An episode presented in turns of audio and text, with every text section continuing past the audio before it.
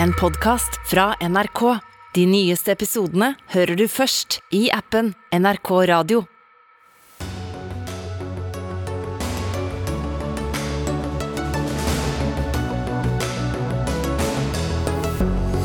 Det norske forsvaret må ta drastiske grep dersom vi skal stå imot et utenlandsk angrep, viser ny rapport om vår forsvarsevne. De økonomiske konsekvensene av Ukraina-krigen begynner å sette kraftige spor, både i Russland, men også utenfor. Stortinget er i ferd med å begå et pensjonsran, hevder Rødt. Møter Arbeiderpartiet til debatt to dager før det avgjøres hva pensjonistene skal få fremover. Og Høyre kaller MDG for moralske posører, etter partiet foreslo å gi Ukraina oljepengene som Norge tjener inn på krigen. Ja, dette er eh, sakene i tirsdagens Dagsnytt 18. Jeg heter Espen Aas. Og vi skal eh, begynne å snakke om eh, Forsvaret. Det norske forsvaret, og i hvor stor grad vi kan stå imot en invasjon. Forsvarsevnen den evalueres årlig. I dag kom den nyeste rapporten, og i disse, i disse dager får naturlig nok en slik rapport ekstra oppmerksomhet. Forsvarets eh, forskningsinstitutt, FFI, vet mer enn de fleste om forsvarsevnen. Og Espen Skjelland, du er forskningsdirektør, og i rapporten skriver dere at forsvaret vårt har eh, sitat, kritiske sårbarheter. Hva betyr det? Nei, altså Vi har eh, et lite forsvar med veldig store oppgaver. Eh, og Det er mye som er bra i Forsvaret. Vi har, vi har, et godt forsvar, men det er ikke godt nok. Det er en del sårbarheter som er kritiske. Og Når man har sårbarheter, så vil en kompetent motstander utnytte nettopp de sårbarhetene for å få forsvaret vårt til å bryte sammen. Mm. Og Hvor er det sårbart? Vi peker på særlig fem eh, sårbarheter. Det ene er luftvern. Eh, det andre er sikker kommunikasjon. Så er det reaksjonsevne, logistikk og utholdenhet. Og hva ligger i det? Altså, Vil vi da agere f.eks. For, for sent dersom eh, det skulle skje noe på grensen i nord? Ja, eh, det du peker på er jo svakheten som er knytta til beredskap. Og hvis vi har for liten evne til å løfte beredskapen vår, så vil en motstander kunne ramme oss ved å slå til overraskende. Så hvis en motstander vet vi har for dårlig evne til å holde beredskapen høy, så er det en måte å, å, ramme Forsvaret på. Og Da kommer det lille forsvaret vi har, egentlig ikke til full nytte. Mm. Men ikke til full nytte? Altså Enten kan vi forsvare oss, eller så kan vi vel ikke forsvare oss? Um, det er ikke fullt så enkelt, fordi Forsvaret må få alle delene sine til å henge sammen. De må kunne støtte hverandre. For F.eks. så er det jo mye lettere å ramme et marinefartøy som ikke får støtte av andre fartøy eller støtte fra F-35 eller maritime patruljefly. Så hvis, man, hvis, hvis ikke hele systemet er klart for um, å operere samtidig, så har um, mange deler av Forsvaret et, et, et stort problem. Men hvor er det da det skorter? Er det penger? Budsjetter, det pekes ofte på det, eller er det organiseringen? Vi, det er egentlig ingen av de tre delene. Det, økonomien er interessant. Den økonomiske balansen i Forsvaret er veldig skjør, men vi mener det er en balanse der. Så det er En utfordring er å hindre at den balansen tipper, at vi, liksom, den glipper. Eh, så det er et viktig problem. Eh, men utover det så gjelder det egentlig å få på plass de delene av Forsvaret som ikke fungerer godt nok, de, de fem som vi, vi, snakket om. Eh, og etablere da sikker kommunikasjon, f.eks. evne til sikker kommunikasjon. Og også se på måten som Forsvaret opererer på, hvordan man konkret forsvarer Finnmark f.eks. Mm. Jan Håland Matlari, professor i statsvitenskap ved Universitetet i Oslo. Er du overrasket over en slik eh, konklusjon?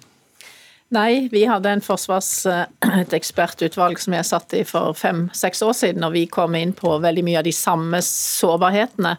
Eh, og det er jo helt klart at f.eks. luftvern en stat som ikke har luftvern, har jo et enormt handikap. Du kan jo ikke operere med landstyrker noe sted uten luftvern, og du kan ikke eh, beskytte deg mot innkommende missiler. Og i Ukraina ser vi jo det, hvor svake de er akkurat på det feltet. Så luftvern eh, har vi veldig lite av. NASAMS er kanskje seks batterier. Det er altfor lite for dette enorme norske landet som er så langt. Også på um, utholdenhet er det jo et spørsmål om bitte lite forsvar, liten hær, eh, stort land og logistikken fra Indre Troms 1000 km opp til Finnmark. Det tar én uke på båt, det er én landevei. Det tar en uke fra USA på båt over til Finnmark. Så ikke sant, eh, skal vi kunne holde, ha en utholdende strid i Finnmark i en uke, da? Det er jo ikke mulig i dag. Mm. Så, så, her er det altså eh, på en måte Faktum er at du får et raskt, overraskende eh, angrep. Og da må du kunne agere uhyre raskt. Men i og med at du selv da satt i dette ekspertutvalget tilbake i, i 2015, eh, og vi da får en rapport eh, i mars 2022 som peker på en del av de samme tingene, hva forteller det deg?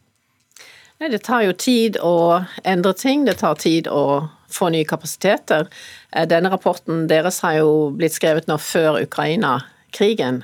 Og nå er jo alle politikere veldig opptatt av Forsvaret og vil betale mer for Forsvaret. Slik at det er jo sannsynligvis en annen økonomisk situasjon hvor man ikke må kutte i Forsvaret hvert eneste år, men får tilført nye midler. Så, sånn sett kan man jo kanskje takke Putin for å få, for mer luftvern, f.eks. Men Sjelland, det som jeg tenker på ut fra hva du sier, vi har jo diskutert forsvarsbudsjetter i, i tiår, og veldig ofte pekes det på at den neste krigen, eller det vi skal forsvare oss, blir ikke på samme måten. Eh, en krig vil bli utkjempet helt andre steder. Og så ser vi en krig i Ukraina som er veldig tradisjonell med militær forflytning. Og det du sier også, eh, handler om en hva skal vi si, en ganske tradisjonell krig med et tradisjonelt forsvar og en ja, hvis det er et riktig ord, da, tradisjonell eh, invasjon, som, som, er det vi snakket om i, i, i mange årene under den kalde krigen? Ja, det er helt riktig, og det er egentlig et veldig sentralt poeng. fordi Vi snakker ikke bare om det, men det er der vi har størst mangler.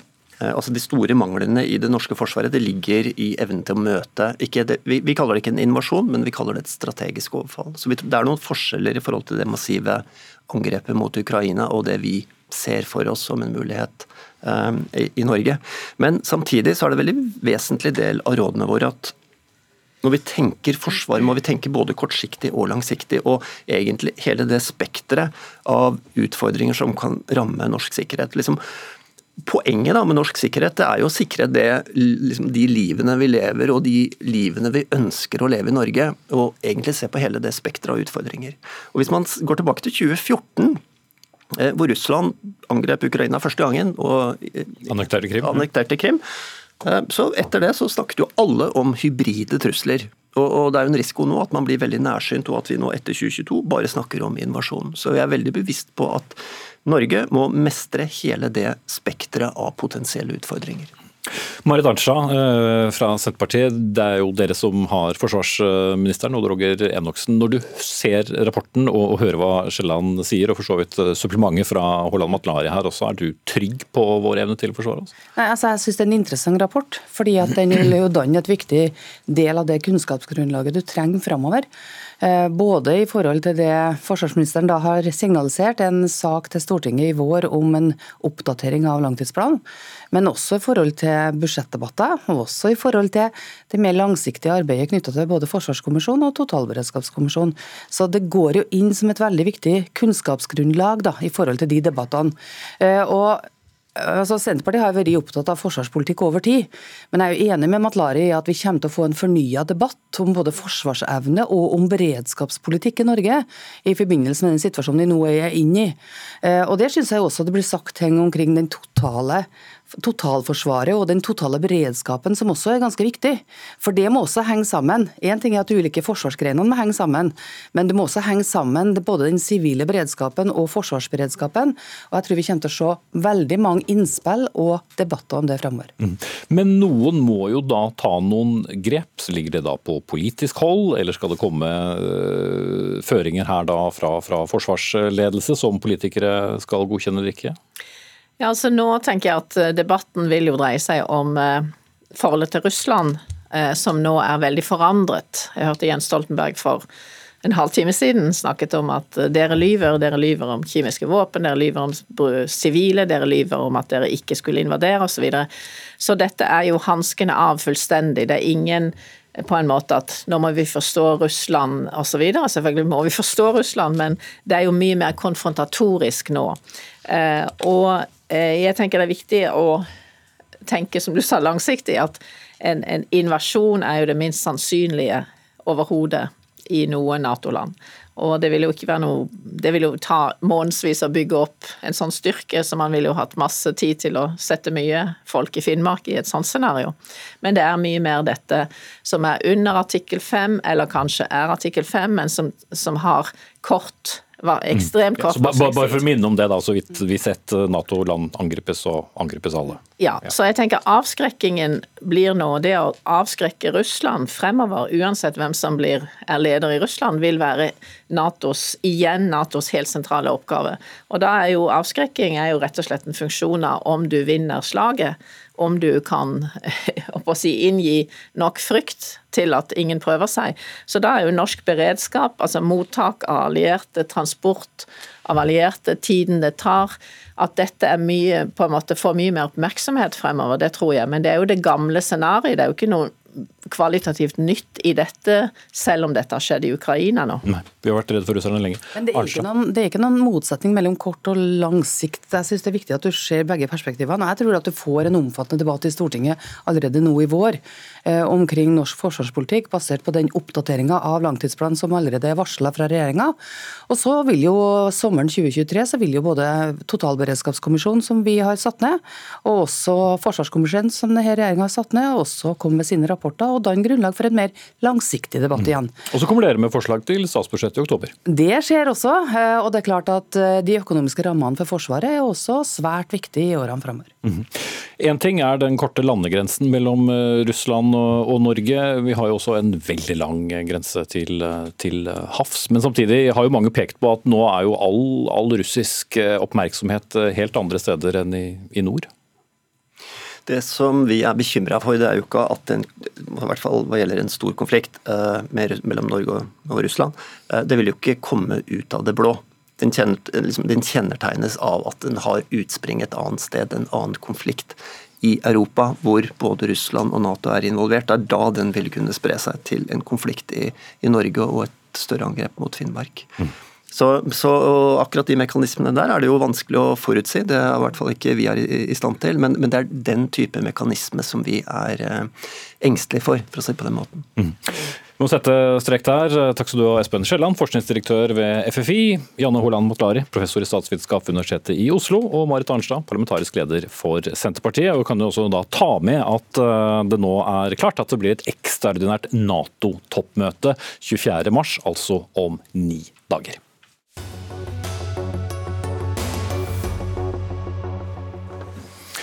Ja, Det begynner å nærme seg altså tre uker med krig i uh, Ukraina. Og det begynner også å sette ganske dype økonomiske spor.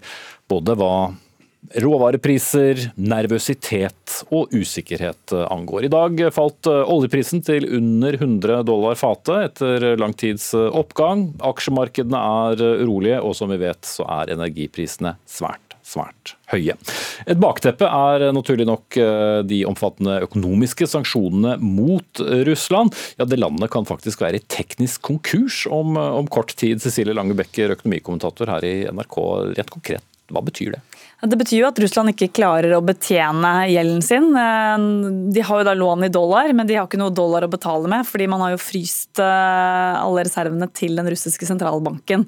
Så da, når det da går eh, et visst antall uker, så kan da de som har lånt Russland penger, si at de her, her, her, er det mislighold, og da kan man erklære dem teknisk konkurs. Mm.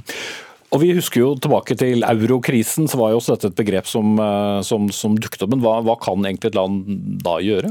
Altså Vanligvis er det jo sånn at man, eh, man går i en eller annen slags form for reforhandling. Eh, man prøver å, prøver å, å snakke da med de som har lånt deg penger. Hvor lett det blir i dette tilfellet, det er liksom litt vanskelig å si. For, for dette, det, selv om situasjonen er ganske lik sånn sett eurokrisen, så er den jo også helt ulik. og, og da ble man jo da var det Var det større vilje til å imøtekomme? Ja, på en, på en, litt annen måte. Ja.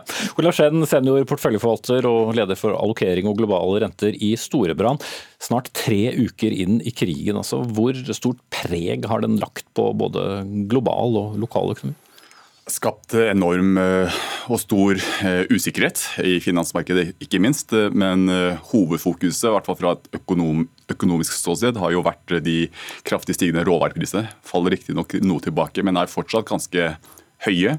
Og ringvirkningene av det. Man skal heller ikke glemme at matprisene også er på full fart vei oppover. Og historisk har vi sett at det har bydd på andre typer problemer når det kommer ut av kontroll. Så har vi selvfølgelig sett mye på de sanksjonene som har blitt eh, innført. har vært eh, innom her i forhold til at valutareservene har blitt eh, fryst, men mange av de tiltakene er nye, spesielt de sanksjonene mot den russiske sentralbanken, som vi ikke har sett før. Og som kan ha store geopolitiske konsekvenser.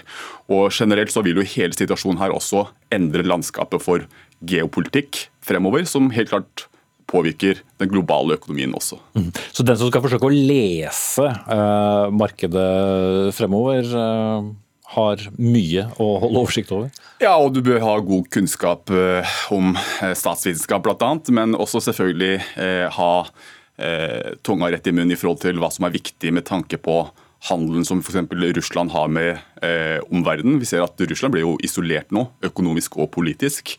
Men spørsmålet er jo hvor viktig de er i den store globale eh, konteksten. Eh, sånn sett så er de ganske små, men det er spesielt på eh, energiforsyning og energiproduksjon de er store, og som kan gi store ringvirkninger, som vi ser effekten av nå. Mm. Og land som, som, Tyskland jo fortsatt peker på at uh, hvis ikke vi fortsetter å, å handle uh, råvarer med, med, Russland, så går det utover uh, tyskerne. Men hvis vi tar tak i det oljefallet, Langebekker.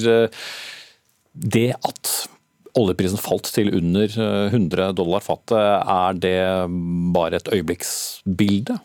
Altså, nå har det falt 30 dollar fatet bare på en uke, sånn at utslagene her det er jo veldig mye større enn vi er vant til å se. Og så må vi huske på også at um, det kommer jo fordi det er et, uh, det er et pågående koronautbrudd uh, i både Kina og Hongkong, uh, som jo gjør at man stenger ned byer igjen, man stenger ned produksjon. og Da er man igjen tilbake i en situasjon da man forventer at etterspørselen etter bl.a. olje kan falle. Sånn at det kommer på toppen av det hele. Det er jo litt lett for oss å glemme her hjemme som på en måte er gjennom denne pandemien. Sånn at eh, om det snur opp igjen, det, jo, det kommer jo helt an på også hvordan det går med disse sanksjonene. Har, det har jo ikke vært det har ikke vært sånn at vi har stoppet uh, å handle energi med Russland, sånn som, uh, sånn som, man kanskje hadde trodd. Sånn at det hele tiden så, så for, Forventningene endrer seg nesten sånn fra dag til dag. Mm.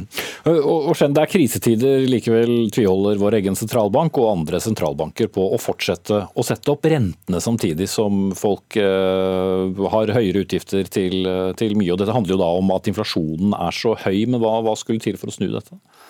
Nei, Da må du få det vi kaller en resesjon. At du ser en kraftig stigende arbeidsledighet. Eh, eh, pandemien og konsekvensen der, eller snakket, forsvant ganske fort. Men man ser jo egentlig ettervirkningene av den politikken, som jeg mener var kanskje eh, for mye stimuli, i forkant av krigen. Så inflasjonen var allerede høy, på 30-40 års høy i USA, og også nå antageligvis på vei mot i Europa.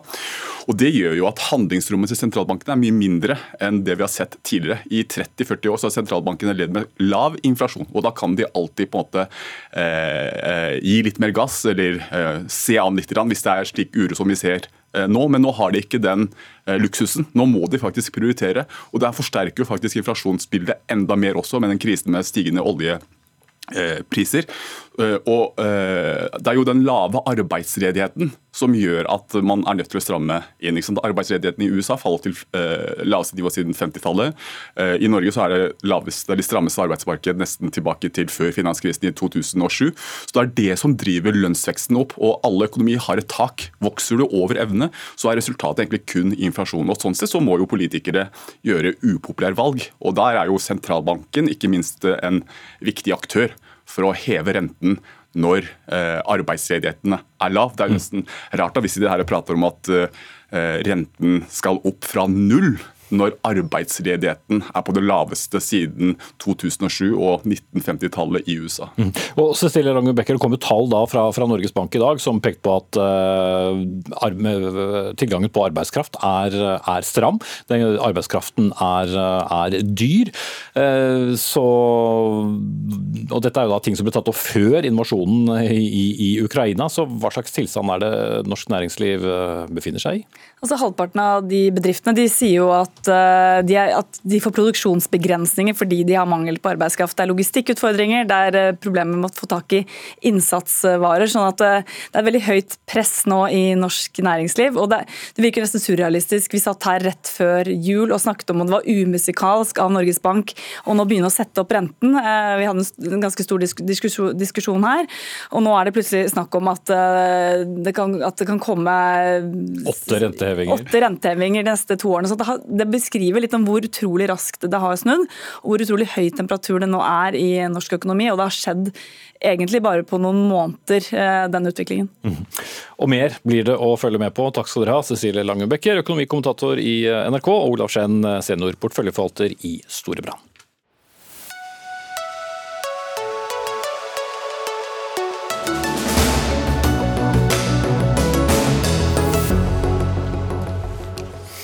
Vi skal eh, tilbake til eh, selve krigen, vi. For til tross for eh, sanksjoner som er innført både mot Putin og, Russland, så fortsetter jo kampene med det som ser ut til å være uforminsket styrke på bakken.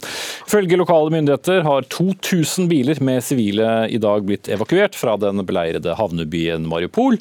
Byen er en av flere som er blitt beleiret av russiske styrker. Og um, Korrespondent Yama Wolasmal, du er med oss fra Sjutomyr, bare 15 mil fra hovedstaden Kyiv. Hva klarer du å lese ut av, av bildet der om hvordan situasjonen er? Her i Zjytomyr så er eh, folk eh, stadig redd for eh, russiske flyangrep, russiske missiler som skal treffe denne byen. Russerne har i forrige uke rammet denne byen flere steder, og det har vært nesten utelukkende sivile mål som har blitt truffet. Vi har besøkt disse stedene i dag, og det har vært boligområder, det har vært skoler, og det har vært et sykehus som har blitt truffet av russiske bomber. Her går sirenen nesten hele tiden. I natt var det knapt mulig å sove sove. Det begynte å ule fra klokken ett til klokken seks. Og da er det å løpe ned i kjelleren og søke lys. Og her er det størst frykt for russiske missiler, men russiske bakkestyrker er enn så lenge et godt stykke unna. I dag eh, passerte tallet på flyktninger tre millioner ifølge FN. Og selv om det tallet er, er, høyt på under tre uker, eh, Yama, så er jo fortsatt størsteparten igjen i hjemlandet. Hva kan du si om situasjonen som de lever under, ikke minst da eh, rundt og, og nær hovedstaden? Altså, dette er et land med 44 millioner mennesker. Det setter det tallet på 3 millioner litt i perspektiv. De aller, aller fleste er fortsatt her i Ukraina. Veldig mange av dem sitter fortsatt fast. Det er håpløst å komme ut av de beleirede byene. Det har vi sett i Mariupol, hvor eh, man har hatt en beleiring i flere uker. og Først nå kommer noen få privatbiler ut av denne byen med sivile. Så det er veldig, veldig vanskelig situasjon i de beleirede byene, vet vi. at eh, mange mangler vann, varme, eh, gass som de trenger til oppvarming. Bensin er blitt mangelvare. Og det i et land hvor gradestokken eh, kryper godt under null under, om nettene. Så man kan bare tenke seg hvor ille det er for de menneskene som fortsatt eh, befinner seg her. Mm.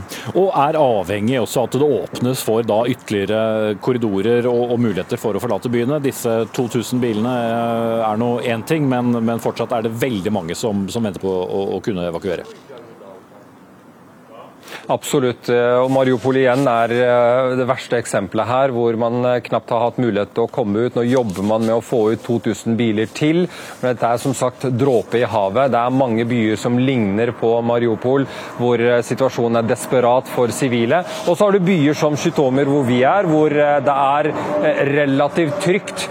Men du ser at barnefamilier flykter fra byen, eldre blir igjen, og så er det veldig mange vi har møtt som ikke ønsker å dra fra byen sin Putin, som er overbevist om at ukrainske styrker vil kunne slå tilbake mot russerne, at russerne ikke vil kunne ta byen deres. Mm.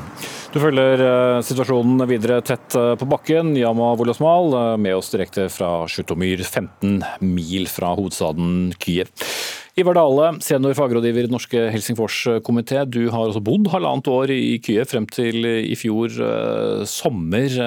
Er det mulig å beskrive hva slags forhold innbyggerne nå lever i? Yama Smal var litt innom det, men dette er jo beleirede byer og med veldig liten mulighet til å komme seg ut. Ja, Det kommer jo veldig an på eh, hvilken del av landet en befinner seg, selvfølgelig. Eh, ned mot sør eh, så har jeg vært i kontakt med venner i byen Kherson, som nå er okkupert av russiske styrker. Og Det som vi ser der, det er jo det vi har frykta, at russerne går nokså brutalt fram mot sivilbefolkningen. De har satt opp sjekkpunkter rundt omkring i byen. Eh, mine venner forteller at de legger igjen telefonene hjemme av frykt av at de blir eh, sjekka, hvor, hvor, russiske soldater da sjekker hvor eh, sympatiene måtte ligge. Russerne har jo da trodd at disse byene ville ta de imot som en slags eh, frigjøringsstyrke, men det er jo det motsatte som har skjedd. Jeg tror det, det er mye frykt, og det er òg eh, dessverre kommet eh, tegn på overgrep mot sivilbefolkningen allerede. Ja, for vi har jo sett bilder som, som, kommer, folk som bærer det de, de, de, har fått med seg, og som da ender opp, eller ender sine liv i, i gatene. Hva gjør slike scener med de som fortsatt da er innsperret, men, men ser hva som, som kan vente dem? Ja, det er frykten som sprer om seg. Og det er jo selvfølgelig òg eh, Bilder har jo alle ukrainere i, eh, i hodet fra det som en har sett tidligere i Nord-Kaukasus f.eks., hvor eh, det under kriger der og etter krigene i Tsjetsjenia f.eks. Opprensningsaksjoner og sånne ting som foregår i, i, i etterkant av krigene, kan være forferdelig brutale og hensynsløse. Og I de områdene hvor russerne tar kontroll, så kan det oppstå altså nesten sånne svarte hull i geografien som en har sett tidligere i disse såkalte folkerepublikkene, eh, men òg i Sør-Osetia, Georgia, hvor det er lovløse tilstander. Uh, og, og, Det var venner av meg nå som i Ukraina snakker om dette nesten som en skrekkfilm. Jeg tror det uttrykket er ganske passende. Det er uh, i skrekkfilmer når monsteret har Du tror du har slått monsteret en gang, så kommer det tilbake igjen nok en gang. Jeg eh, må huske på at Ukraina har, eh, var gjennom en revolusjon i 2014. 100 mennesker ble drept i Kiev da. Eh, for å kvitte seg med den type regime. Nå har landet kommet, egentlig var kommet veldig langt i å utvikle seg til å bli et moderne europeisk samfunn. Det er et land som, som har mindre og mindre til felles med eh, Russland, sånn som vi kjenner det per i dag. Mm. Anatoly Krøluk, prosjektleder i Norsk-ukrainsk handelskammer, men, men, først og fremst altså ukrainer selv. Du har også venner og familie spredd rundt om i, i Ukraina. Hva slags historier forteller de deg, og er det, Nei, det Pynter de på historien, eller eh, er det de harde realitetene? Jeg tror ikke det er så mye å pynte her. Altså, vi ser jo hva som skjer. Og det er akkurat sånn som eh, Ivar sa, det er avhengig av hvilken region man uh, snakker med. Eh, jeg kjenner noen som ikke har eh, hatt kontakt med familien sin på seks dager, de som er i Mariupol. Eh, og så har jeg noen venner som sitter og koder, altså leverer de tjenestene de brukte å levere fra bomberom i andre deler vestover i Ukraina. Så det er veldig forskjellig. men det er selvfølgelig uansett hvilke beredskapsplaner man hadde før, så det er veldig kritisk situasjon for alle. Mm. Og så har vi jo hørt gjennom disse ukene om alle oppfordringene til også vanlige borgere som ikke er en del av det militære, til å vise motstand. Eh, hva, hva hører du om, om, dette? Nei, Jeg også kjenner flere som på en måte jobbet på kontoret før, men eh, måtte ta våpen i hender og gå og patruljere gater i byene de bor i. Eh, det alle gjør så godt de kan må jo spørre deg, Hvordan opplever du situasjonen når du sitter her i Norge og har disse samtalene og får, får høre disse historiene? Nei, Det er veldig vanskelig. Altså, fysisk så er jeg i NRK-studio, men hodet mitt er jo selvfølgelig ikke med mine folk. Heldigvis så har jeg en jobb som er veldig relatert til Ukraina, så jeg føler også at jeg bidrar med mine kunnskaper og nettverk og det jeg kan, men allikevel så går jeg til sengs hver dag med tankene om jeg har gjort nok for Ukraina i dag, og våkner også med tankene hva kan jeg gjøre mer for å hjelpe Ukraina. Mm. Våre folk inne i Ukraina har jo også opplevd frustrasjon hos ukrainere over at Nato, eller Vesten, da, ikke gjør mer hva tenker du om? Ja, det, altså, jeg skal ikke undergrave den solidaritet og støtet Norge og Vesten eh, viser og gir til Ukraina, men jeg opplever at for folk på baken så oppleves det som veldig lite. Altså, vanlige ukrainere føler at Vesten sviktet Ukraina ved å ikke eh, hjelpe mer. Mm. Så der er det en viss frustrasjon? Selvfølgelig. Mm. General og tidligere forsvarssjef eh, Sverre Disen, du jobber nå som eh, sjefforsker på Forsvarets forskningsinstitutt. Det er også, som vi er inne på, eh, mye kamper da sør og sørøst i landet. På hvilken måte er disse strategisk viktigere for krigen videre? Når det gjelder sør og sørøst i landet, altså langs Svartehavskysten øst for Krim, så er det jo spesielt denne byen Mariupol Eh, og Den er militært viktig fordi eh, dette er altså den korridoren russerne prøver å etablere fra det som er ubestridt russisk område, for så vidt, eh, nordøst for Svartehavet, og frem til Krim, slik at de får en landverdsforbindelse med, med Krim. Og Der er altså foreløpig Mariupol en, en propp i, i den korridoren. Mm. Ja, og Det er jo strengt tatt da få byer som, som russerne har kunnet erklære at de har tatt? Ja, det, det er det. Og de har jo heller eh, riktignok ikke forsøkt å ta dem, og det vil de nok eh, helst også slippe. Eh, I betydningen å, å, gå inn med bakkestyrker og erobre dem kvartal for kvartal, for det er en meget krevende og taps krevende eh, type operasjon, som eh, også favoriserer forsvareren, og det er jo altså ukrainerne i dette tilfellet. Det fratar russerne fordelen av en overlegenhet i, i tunge våpen og stridskjøretøyer og den type ting. Så de har altså nøyd seg med enten å beleire og isolere, eh, og der det ikke strekker til, så går de mer systematisk til verks med artilleri og missiler, og legger deler i hvert fall av disse byene i ruiner. Mm. Hvis vi vender tilbake til hovedstaden da, Kyiv, så har Tsjekkias, Polens og Slovenias statsministre planlagt å, å reise inn der som representanter for EU, eh, e det sender vel også et eh, signal i et land som er i krig? Ja, det må jeg si jeg syns er noe av et eh, sjakktrekk fra EUs side. Dette er jo tre statsministre fra EU. Og på mange måter så er jo dette ikke bare en demonstrasjon av støtte til Zelenskyj, men det er på mange måter også en demonstrasjon av russisk maktesløshet. For her sitter altså president Zelenskyj etter tre ukers krig og eh, gjentatte russiske forsøk på å ta livet av ham, men han er altså fortsatt landets president og fungerer både som regjeringssjef og som nasjonalt samlingsmerke. Eh, for det andre, det gjør han altså eh, i Kiev, i landets hovedstad, som russerne også har forsøkt å innta i snart tre uker, uten å greie. Og så kommer på toppen av det igjen da, at disse tre statsministrene altså reiser både inn og ut igjen med tog. Og det forteller jo altså på, på, toppen av alt at russerne har jo heller ikke greid å, å isolere og omringe eh, Kiev. Og til sammen så nærmer jo dette seg det jeg vil altså kalle en, en ydmykelse av uh, russerne og det de har fått til så langt. Mm.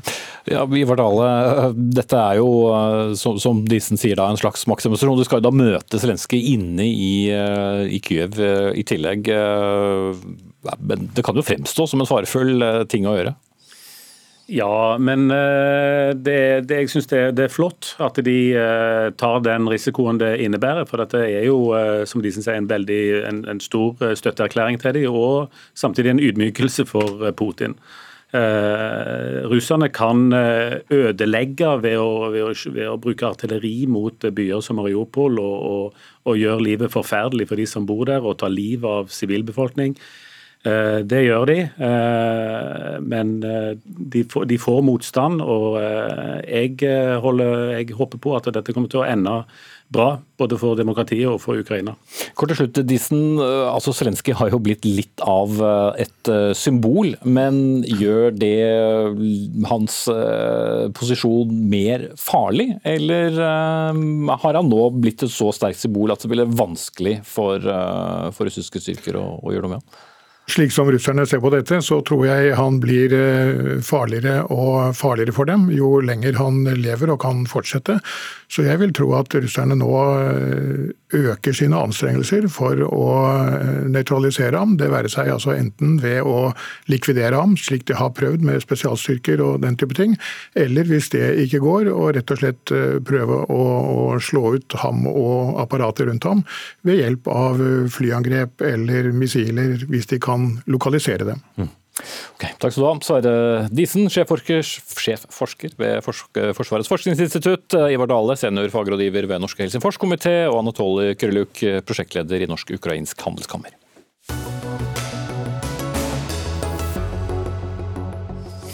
Ja, klokken er straks 18.35. Da oljeprisen var på full fart oppover i forrige uke, foreslo MDG at vi skulle gi det Norge tjente ekstra til Ukraina. I dag faller altså oljeprisen, og Høyre kaller MDG litt senere i sendingen for moralske posører for dette forslaget. Men nå skal det handle om pensjon. For om to dager skal Stortinget behandle reguleringene av pensjonene. Innstillingen fra arbeids- og sosialkomiteen viser at Stortinget ikke er enig i spørsmålet om hva pensjonistene skal få. Et mindretall bestående av Frp, Rødt og SV ja, ønsker en opptrappingsplan av minstepensjonene fra 2023 opp til EUs fattigdomsgrense, noe flertallet bestående av regjeringspartiene og Høyre er uenig i. Og Mimmi Kristiansson, stortingsrepresentant fra Rødt, du har kalt det et pensjonsran. Ja, det er, er det riktig ord? Et pensjonsran på høylys dag, det som skjer i Norge nå. Altså, I Norge i dag er det sånn at for veldig mange det å bli gammel det er også som å bli fattig. Og ikke minst gjelder landets 150 000 minstepensjonister. Det opplegget som en politisk hestesko bestående av Arbeiderpartiet, Senterpartiet og Høyre kommer til å vedta på torsdag, det innebærer en regulering av minstepensjonene fram mot 2040, som gjør at disse minstepensjonistene kommer til å bli enda mye fattigere framover. Altså, man snakker om å miste 20 000 kroner. Og hvis du ser på grunn av minstepensjonist fram til 2040, da vil du ha 20 000 mindre i lønningsposer, eller i pensjonsposer, hvis man kaller det, enn du har i dag. Og hvis du da ser på hvordan en minstepensjonist lever i dag, med de matvareprisene, bensinprisene, strømprisene og bare generelt det kostnadsnivået i Norge, så sier det seg selv at det ikke går. Og De samme partiene kommer jo til å stemme mot det forslaget fra mothesteskoen, som jeg kan kalle det, med Frp, SV og Rødt, som da vil ha en opptrappingsplan for minstepensjonistene, sånn at de kommer opp på EUs fattigdomsgrense. Altså, snakker ikke om at minstepensjonister skal bli rike, men vi kan ikke være bekjent i Norge med at mange hundre tusen pensjonister skal leve langt under fattigdomsgrensen. Det er for galt. Altså. Ja, om lag 150 000, eller 146 500 ved utgangen av, av fjoråret. 14,6% av norske pensjonister er da minstepensjonister. Når du hører ordet pensjonsran på Høyres dag, sågar Tuva Moflag fra Arbeiderpartiet, hva svarer du? Det stemmer ikke. Dette er ikke et pensjonsran på noen som helst måte. Det vi gjør på torsdag er først og fremst å fjerne underreguleringa på 0,75% på pensjonene, som veldig mange har irritert seg over i flere år, fordi pensjonistene har gått i minus mens andre har fått økt kjøpekraft. Det vi gjør er å endre nå, sånn at pensjonene reguleres med et snitt av prisvekst og lønnsvekst. Det gjør jo nettopp at man kan ta høyde for at prisene øker på både drivstoff, på mat, på andre ting. Så det er positivt for pensjonistene at prisveksten blir en del av måten vi skal regulere pensjonene på. Mm. Ja. Bare for å forklare det for de som ikke forsto det. altså Ordningen til nå har vært at de har for så vidt fått den samme lønnsveksten på pensjonene som andre har fått, men så har man da eh, justert det ned med 0,75% Det er helt riktig. og Det vi gjør nå er jo å sikre at pensjonene reguleres med snitt av prisvekst og lønnsvekst. Det sikrer mer forutsigbarhet for pensjonistene. Men Kommer de bedre eller dårligere ut av det? Over tid så vil de komme om lag likt ut, men dette blir 20 000 mindre, sier Sånn. Nei, nei om, om, lag likt ut. Men det blir mer forutsigbart, fordi du ikke får de store toppene og de lave bunnene. Men det som er veldig viktig, det er at minstepensjonistene de kan over tid bli hengende etter. Derfor så sier Arbeiderpartiet at vi skal øke minstepensjonene, og vi har satt ned et eget utvalg som ser på nettopp mm. minstepensjoner. Så det tidsperspektivet okay, Nei, tidsperspektivet fram til 2040 er helt urealistisk, for dette er noe man jobber med å ha på bordet nå. For det første er det sånn at Hvis pensjonistene fortsetter å komme ut om lag likt, som de har gjort med underreguleringen siden pensjonsreformen, så vil de fortsette å sakke akterut hvert eneste år. Ikke minst gjelder det de med lave pensjoner, og da særlig minstepensjonistene. Men hvis de reguleres opp, hvordan kan det regnestykket ditt da stemme? Nei, Hvis vi får gjennomslag for vår politikk, så Eller det Moflag sier. Ja, hun sier det nå, men spørsmålet er jo bare hvorfor vil de ikke stemme for disse forslagene? Og så sier de vi venter på et utvalg, vi venter på en evaluering osv. Når Arbeiderpartiet satt i opposisjon, så var det jo aldri nødvendig å vente på verken utvalg eller evalueringer. Da stemte jo de flere ganger for å øke minstepensjonene, sammen med oss, sammen med SV, sammen med Frp. Men så kom det et pensjonsforlik, da. Så kom man, ja, men dette er jo etter det. Så kom man inn i regjering, og nå er det plutselig veldig viktig å vente. Og jeg vil bare spørre, Hva er det man venter på utvalg og evalueringer for? Det har jo vært velkjent for alle norske partier i mange år at minstepensjon i dette landet ikke går an å leve av. År for år går dette dårligere og dårligere for minstepensjonistene. Og da skjønner jeg jo at noen kan ha god tid, men de som ikke har god tid, det er jo de minstepensjonistene som nå sitter der ute og sliter med å få hverdagen til å gå opp, fordi at dette har vært en unnlatelsessynd fra norske regjeringer over mange år. Men er det også en erkjennelse at forslaget til Rødt, SV og Frp ville blitt i dyreste laget? Nei, eh, det er det ikke. Dette handler jo også om at vi skal se tilbake til hva pensjonsreformen egentlig handler om. Pensjonsreformen handler om at vi skal ha et system som er økonomisk bærekraftig og sosialt rettferdig. Men det skal også lønne seg med den innsatsen du har i arbeidslivet. Minstepensjonene skal vi sikre ved at vi har sagt at vi skal øke minstepensjonene, og vi har dette utvalget som er satt ned. Kristiansson spør hvorfor skal vi vente på et utvalg. Ja, hvorfor i alle dager skal vi sette ned et utvalg med eksperter, med fagfolk, hvis vi ikke skal vente og se på hvilke anbefalinger de kommer med. Det at minstepensjonistene over tid kan bli hengende etter, er en av hovedproblemstillingene som dette utvalget jobber med. Det tar vi på høyeste alvor, men vi kommer til å se på de anbefalingene og jobbe med det. Ja, jeg synes Det er underlig at man har så god tid, og jeg synes det er underlig at eh, Arbeiderpartiet sammen med Høyre, ikke sin foretrukne budsjettpartner SV, skal stemme ned konkrete forslag for å begynne å løfte minstepensjonistene nå. Alle må jo være enig i, i det minste at man må ha en plan for å få minstepensjonistene opp til EUs fattigdomsgrense.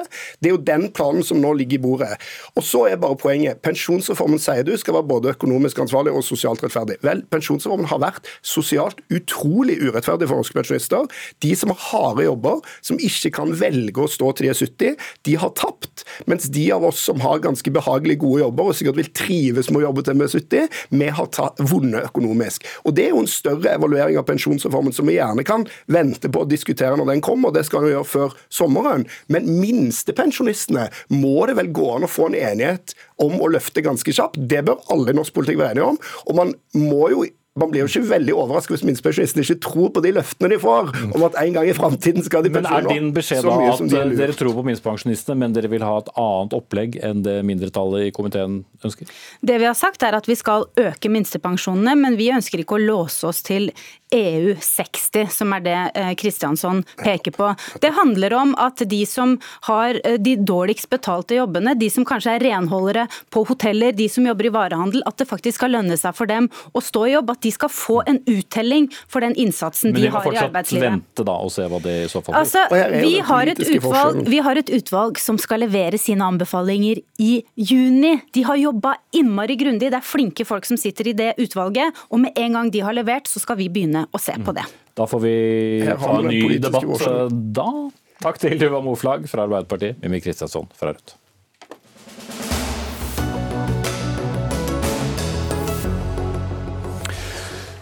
Vi skal eh, tilbake til eh, Ukraina og Russland, vi. For i idet vi nærmer oss tre uker med krig, har også flere pekt på at president Vladimir Putins styrker har møtt langt mer motstand enn ventet. Det hørte vi tidligere også i denne sendingen, noe som skal ha skapt mye frustrasjon innad i Kreml mellom president og generalstab. Og Unna Hakvåg, seniorforsker ved Forsvarets forskningsinstitutt, du har eh, teorier om hvorfor det har vært så vanskelig for Russland å erobre Ukraina. Om, eh, en del av det handler rett og slett om manglende informasjonsflyt og riktig informasjon. Hvordan da? Jeg tror En av de tingene som eh, kjennetegner eh, kommunikasjonen i Kreml, er at, at, den er veldig lukket. Og den er ikke bare lukket for oss som ser utenfra, men den er også lukket for store deler av det russiske samfunnet. Eh, og det, Da får man kanskje en risiko at man blir sittende i et eh, ekkokammer, hvor man i stor grad eh, hører sine egne teorier gjentatt, fordi man oppfordrer til mest kommunikasjon med de menneskene som, som deler ens egen syn da, på, mm. både på samfunnet og på men, men, hvis vi ser på historikken her, da, så oppholdt jo russiske styrker seg langs grensen i lang tid. De har erfaringen fra annekteringen av Krim fra, fra 2014. Og så velger man jo da å gå til en invasjon. Har man da gått til invasjon på helt sviktende grunnlag? Delvis, tror jeg. Og det er også eh, indikasjoner på at eh, veldig mange av de som blant annet på styrkene, veldig mange av de som var involvert i forberedelsene til operasjonen, ikke visste om det ble noen, eh, noen invasjon før helt på slutten. Bare, kanskje bare dager i forveien for noen av bl.a. offiserene som ble sendt inn og faktisk skulle lede denne operasjonen. Jeg tror også at eh, man har hatt eh, feil, altså feil eller misforstått informasjon om, om, Ukraina. Eh, I beslutningsprosessen så har man kanskje ikke tatt hensyn til f.eks. økonomiske ting. Det høres jo ganske fjernt ut for oss, for i vestlig altså, sikkerhetspolitisk tenkning så er økonomi og, og andre sikkerhetspolitiske hensyn veldig tett sammenvevd. Mens i Russland så vet vi at i den sikkerhetspolitiske rådet, da, Eh, rundt eh, Putin, så sitter det antagelig ingen med noe særlig økonomisk kompetanse. Eh, den russiske finansministeren, Siluanov, han har bare vært én gang i møte i Det sikkerhetspolitiske rådet på de siste fem månedene. Mm. Men samtidig, som president, så ønsker du jo å få riktig råd. Men sier du da at det er rett og slett litt vanskelig å skulle gi de riktige rådene, for det er kanskje ikke det en president vil høre?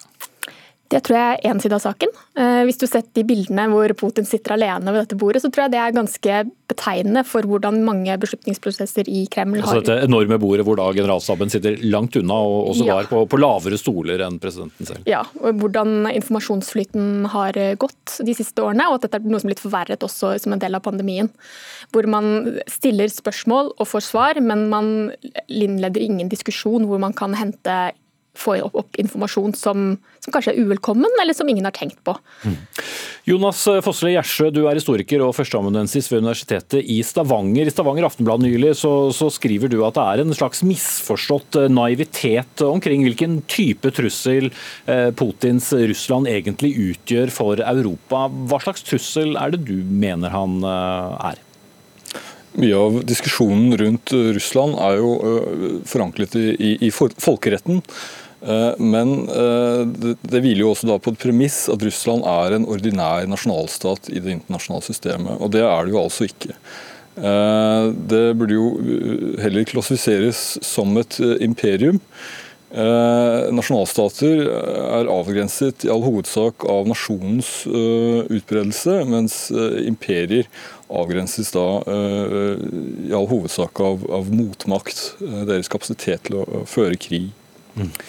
Eh, og så har vi jo da historikken selvfølgelig for Ukraina, som jo var en del av, av Sovjetunionen og har uh, drøye tre, tre tiår som, som selvstendig. Hvor, hvor, viktig er da Ukraina for, uh, for, Russland? Og Hvis du skal da se på det som et imperium med, med sin beliggenhet da mot, mot Svartehavet? Ja, Ukraina har vært en viktig provins i både Tsar-Russland, det russiske keiserriket og i Sovjetsamveldet. Så det strekker seg nesten 400 år som en eh, svært viktig provins. Eh, og I, Sovjet, i Sovjetsamveldet så kan man jo nesten karakterisere det som en slags union mellom eh, Russland og Ukraina. Og når Ukraina da som eneste republikk ønsket å forlate unionen, så kollapset også da det sovjetiske imperium, eller dette sovjetsamveldet, i desember 1991. Mm. Men sier du da at dette nærmest er eh, den gamle drømmen om, om det som var Sovjetunionen, eller for den saks skyld gamle tsarriket, som er veldig til stede i Vladimir Putins uh, tanke om hva Russland skal være? Det er nok en form for russisk irredentisme, i, i og med at det er en stor russisk diaspora som uh, som holder til da i, i Øst-Ukraina, og en russisk majoritet også på Krim. Uh, og selv i 1994 så var det jo også opprettet man da også en sånn løsrivelsesregjering på Krim. Uh, og ønsket å, å, å, bli igjen en del av Russland, noe Jeltsin nektet. Så det er en ganske lang Eh, historikk bak dette. Mm. Ja, det er eh, det som kan være kongstanken, eller tsartanken er kanskje bedre ord, unna Hakvåg. Men eh, hva vet vi da om den kretsen som nå er rundt Putin, og som er de som vi har sett av dette famøse bordet? Ja, de er jo veldig dominert av de ulike sikkerhetsstyrkene. Det er eh, kanskje særlig fire personer som eh, vi vet ganske sikkert at har eh, hatt mye innflytelse på de vurderingene som er gjort, både rundt annekteringen av Krim i 2014 og invasjonen nå i år. Og Det er forsvarsminister Sergej Sjojgu, som av mange omtales som den kanskje nærmeste til, til Putin i dag. Og så er det tidligere FSB-sjef og nå sjef for Sikkerhetsrådet skal vi se, for riktig navn her, Nikolai Patrusjev, og så er det nåværende FSB-sjef eh, Aleksandr Botnikov. Og så er det sjef for utenlandsetterretningen, altså Sergej Narysjin. Mm. Og Hvor trygt kan man sitte i en sånn stilling? Vi har jo fått rapporter om at uh, flere generaler har allerede fått sparken pga. at uh, fremgangen i Ukraina har uh, gått mye saktere enn en forventet. Er det en sånn slags si, balansegang også for de helt opp til Putins bord om, om hvordan man vekter informasjon? Nå er det vel ingen av de generalsparkene som er eh, bekreftet, tror jeg. Eh, men det, men det, har absolutt vært rykter, og det har også gått rykter om generalstabssjefen. Eh, personlig så tror jeg kanskje ikke at vi får se de store utskiftningene nå, så lenge krigen pågår eh, i den fasen den er nå. Eh, men man kanskje kan tenke seg mer på sikt at det vil komme, komme en slags sånn oppvask etterpå, sånn som vi også så etter krigen i Georgia i 2008. Mm. Jeg tror nok disse, disse, etterretningssjefene i utgangspunktet sitter ganske trygt, for de har fulgt Putin i veldig veldig mange år, og det er ikke noen helt klare etterfølgere nødvendigvis der. Mm. Og helt riktig som du sier, det er ikke bekreftet. Dette er da ukrainsk etterretning som, eh, som har sagt dette. Takk skal du ha, Una Hakvåg, seniorforsker ved FFI, og takk til Jonas Fossle Gjersjø, historiker og førsteamanuensis ved Universitetet i Stavanger.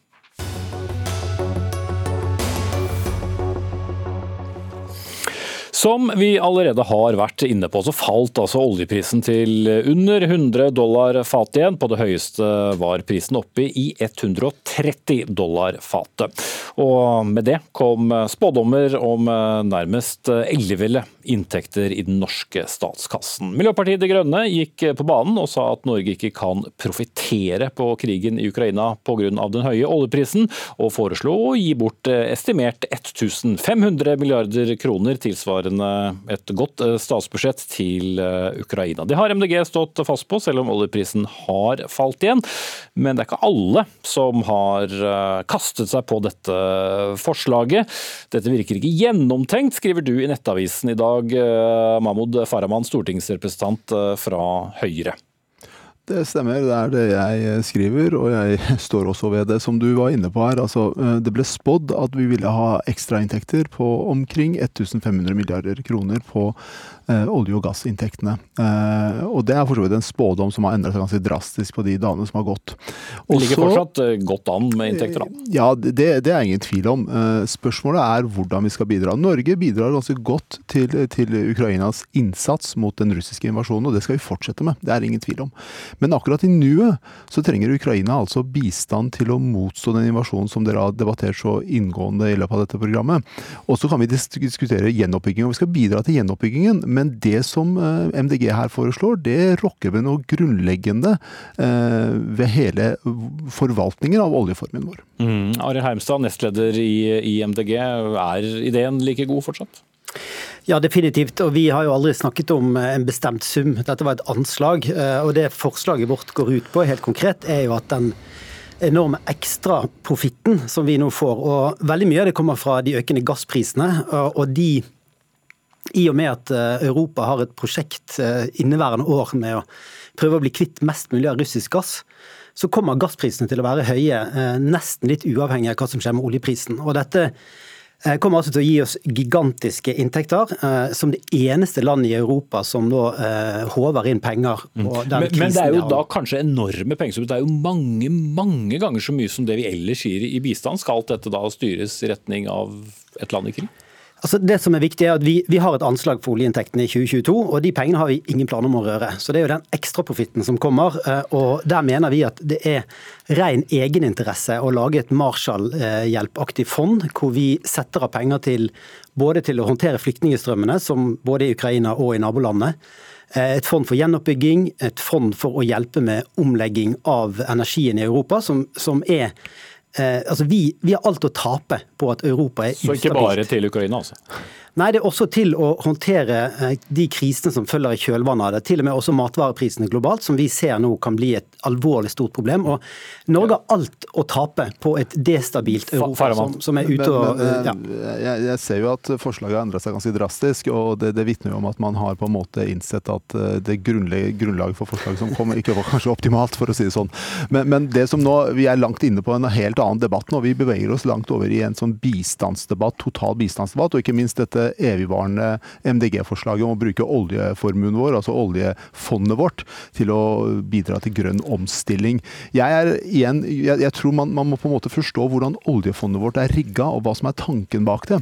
Altså De inntektene vi får nå, de går jo inn i oljefondet som en grunnsum, og så er det sånn at vi kan ta inn noe av det i henhold til handlingsregelen inn i statsbudsjettet vårt, og såkalt ha en oljekorrigert statsbudsjett. Og jeg tror eh, vi, vi, skal, vi, er tjent med å utvise disiplin. Og det har vi gjort i mange tiår. Og vi har hatt politikere og byråkrati, og ikke minst kommentatorer, som har utvist en betydelig disiplin. Og det hadde jeg også ønska at MDG kunne gjøre i denne sammenhengen, og ikke hoppe på første og beste forslag. Og selvfølgelig, igjen, vi skal være med å bidra til Ukrainas gjenoppbygging og alle de utfordringene som er der, men dette forslaget virker for meg til å være særdeles lite gjennomtenkt. Det skyldes jo at eh, du nøyer deg med å lese overskriftene og aldri satte de inn i vårt egentlige forslag. Og Det som er viktig å si er at akkurat nå så står jo kampen eh, ikke bare for Ukraina, men det står for friheten og demokratiet i Europa. Vi er inne i en trolig viktig skjebnetime for eh, både Europa og for oss. Og da er spørsmålet skal vi sitte som eneste land i Europa og, og, pøse inn penger i oljefondet? Eh, vi mener nei. Vi mener at vi kan lage en mekanisme som sikrer de pengene som er på den superprofitten, de setter vi av til å hjelpe Europa. Og, og flere sjeføkonomer har jo også antydet det samme, da, Farman? Ja, altså Sjefsøkonomene har jo også antyda noe annet, og de kan vente et drastisk fall i, i, oljefondets verdi. Og Det er igjen slik altså at vi kan, De pengene må jo innfases inn i oljefondet, så får vi se hvordan vi skal gjøre det med tanke på bistand framover. For da har vi en litt annen diskusjon. Og dette angrepet om at jeg ikke leser hele teksten er jo grunnleggende feil. For jeg mener også at Lan Marie Berg, som sitter i finanskomiteen sammen med meg, som har vært på de samme møtene med, med Finansdepartementet som meg, var jo også veldig nøktern med sin beskrivelse. Og det skyldes at vi får overført en, en virkelig virkelighetsforståelse fra Finansdepartementet, fra, fra eh, oljefondets sjef og fra Finanspolitisk råd, som sier at oljefondets verdi kan falle ganske kraftig. Som igjen vil påvirke eh, statsbudsjettene våre, som igjen vil påvirke evne til grønn omstilling, evne til å gi bistand osv. Så, videre. så dette er igjen, det, det, det, kan virke forlokkende å komme med slike forslag, men det har en langsiktig effekt som man må ta inn over seg. Altså. Ja, men Den kortsiktige effekten her er jo at folk i Polen, i Tyskland, i alle europeiske land betaler nå en skyhøy pris for norsk gass. Det er en vi snakker gjerne om en tidobling fra den, den, prisen vi hadde for et år siden. Eh, det er penger som de må betale i dag. Eh, det du snakker om når det gjelder fondets verdi, det er jo papirpenger. for det at det, eh, den verdien vi måler oljefondet på, det er jo børskursen pluss eh, verdien av valutaen i norske, norske kroner. Den varierer. Den, kan, altså, den, har jo falt med hundrevis av milliarder i løpet av eh, år tidligere. Men det regulerer så, så det også er, uttaket da, til norske statsbudsjett? Altså, og, og det, det som regulerer uttaket på, på, noen måneder, beklager avbryter. Altså. men altså, det, det, som regulerer uttaket fra, fra, oljefondet, er jo den forventede avkastningen. og den, Vi vet at den forventede avkastningen er aldri fasiten. Og det vi har sett opp gjennom årene, er at oljefondet oljefondet har fluktuert mye verdi med varierende børsverdier. Men det er noe annet enn den summen som europeiske stater i dag må betale for norsk fossil energi. Eh, og De pengene kan du på en måte ikke si at eh, kommer tilbake gjennom 10 eller 20 kroner, år. De, de, pengene går rett ut av kontoen til land som nå må ta imot masse flyktninger, som må legge om energisystemene sine veldig fort. Men, men veldig kort til slutt her, så er det ikke litt tidlig å konkludere på det? Krigen har vært i, i, i tre uker, og vi vet heller ikke hvor mye penger det er snakk om, og hvor oljeprisen mm. går? Nei, dette er jo, en, det er jo en intensjon i solidaritet med Europa som vi også har interesse av at er et stabilt sted, og hvor vi klarer å få orden på eh, både det å bekjempe Russland, men dette er en skjebnetime for Europa, hvor Norge har alt å tjene på dette. Okay. Arild Hermstad fra MDG, Mahmoud Farman fra Høyre, takk skal dere ha. Vi er ved veis ende. Hvis du har spørsmål rundt situasjonen i Ukraina, så sitter det eksperter og svarer via nrk.no. Du kan gå inn der og stille dine spørsmål. Ansvarlig for denne sendingen, Anne Katrine Førli. Frode Thorshaug var tekniker. Jeg heter Espen Aas.